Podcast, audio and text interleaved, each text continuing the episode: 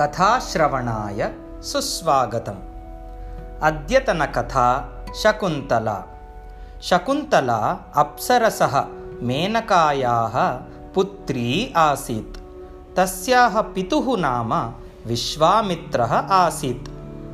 कण्वश्च तस्याः पालयिता पिता आसीत्।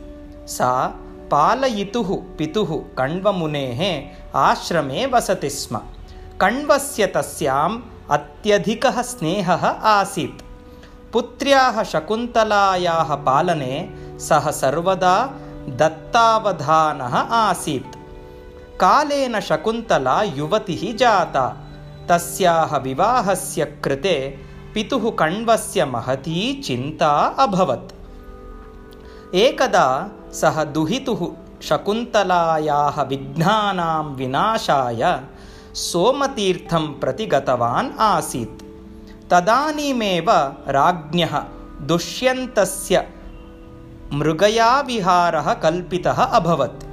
वने विचरतः मृगम् अनुसरतः च दुष्यन्तस्य यदा महाव्रतिनः कण्वस्य आश्रमे प्रवेशः अभवत् तदा मुनिकुमाराः आश्रममृगाणां वधं निषिद्धवन्तः।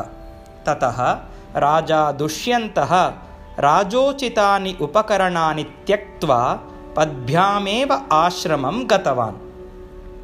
तत्र सखीभिः सह वृक्षान् सिञ्चन्त्या शकुन्तलया सह नृपतेः दुष्यन्तस्य साक्षात्कारः अभवत्। दर्शनमात्रेण उभयोः परस्परम् अनुरागः सञ्जातः। अतः तदानीं दुष्यन्तः शकुन्तलां गान्धर्वविधिना परिणीतवान् पितुः अनुपस्थितौ एतादृश्याः घटनायाः कारणेन सा चिन्ताग्रस्ता आसीत् अपि च राज्ञः दुष्यन्तस्य अनुरागे लीना आसीत् तस्मिन् अवसरे एकदा दुर्वासाः ऋषिः कण्वस्य आश्रमम् आगतवान् दुष्यन्तं ध्यायन्ती शकुन्तला दुर्वाससः आह्वानं न श्रुतवती। क्रोधेन दुर्वासाः शकुन्तलाम् अभिशप्तवान्। यस्य ध्याने त्वं मग्ना असि स त्वां विस्मरिष्यति इति। तीर्थात् आगत्य कण्वः सर्वं वृत्तान्तं ज्ञातवान्। मुनिकुमाराभ्यां शार्ङ्गरवशारद्वताभ्यां गौतम्या च सह कण्वः शकुन्तलां तस्याः पत्युः चक्रवर्तिनः दुष्यन्तस्य राजभवनं प्रेषितवान्। शापवशात् गान्धर्वविवाहविषये दुष्यन्तस्य विस्मरणं जातं दुष्यन्तेन प्रदत्ता मुद्रिका अपि मार्गे नद्याः जले अपतत्।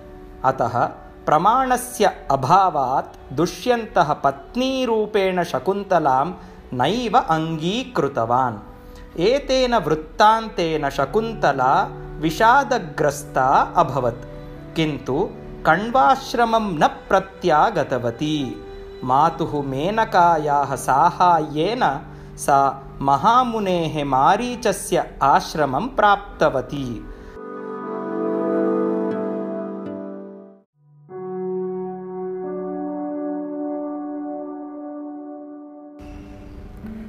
तत्र च सा चक्रवर्तिलक्षणोपेतं भरतनामानं पुत्रं प्रसूतवती।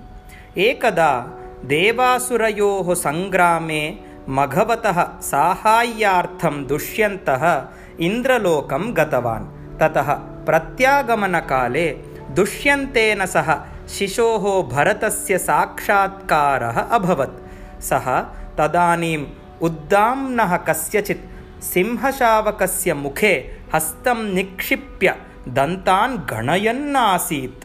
तस्य शिशोः निर्भीकतया प्रभावितः दुष्यन्तः तस्य परिचयं जिज्ञासितवान्। तस्य मातुः शकुन्तलायाः प्रत्यभिज्ञानात् परं भरतं स्वपुत्रं ज्ञात्वा सः क्षमायाचनपूर्वकं तं शकुन्तलां च सहर्षं स्वीकृतवान्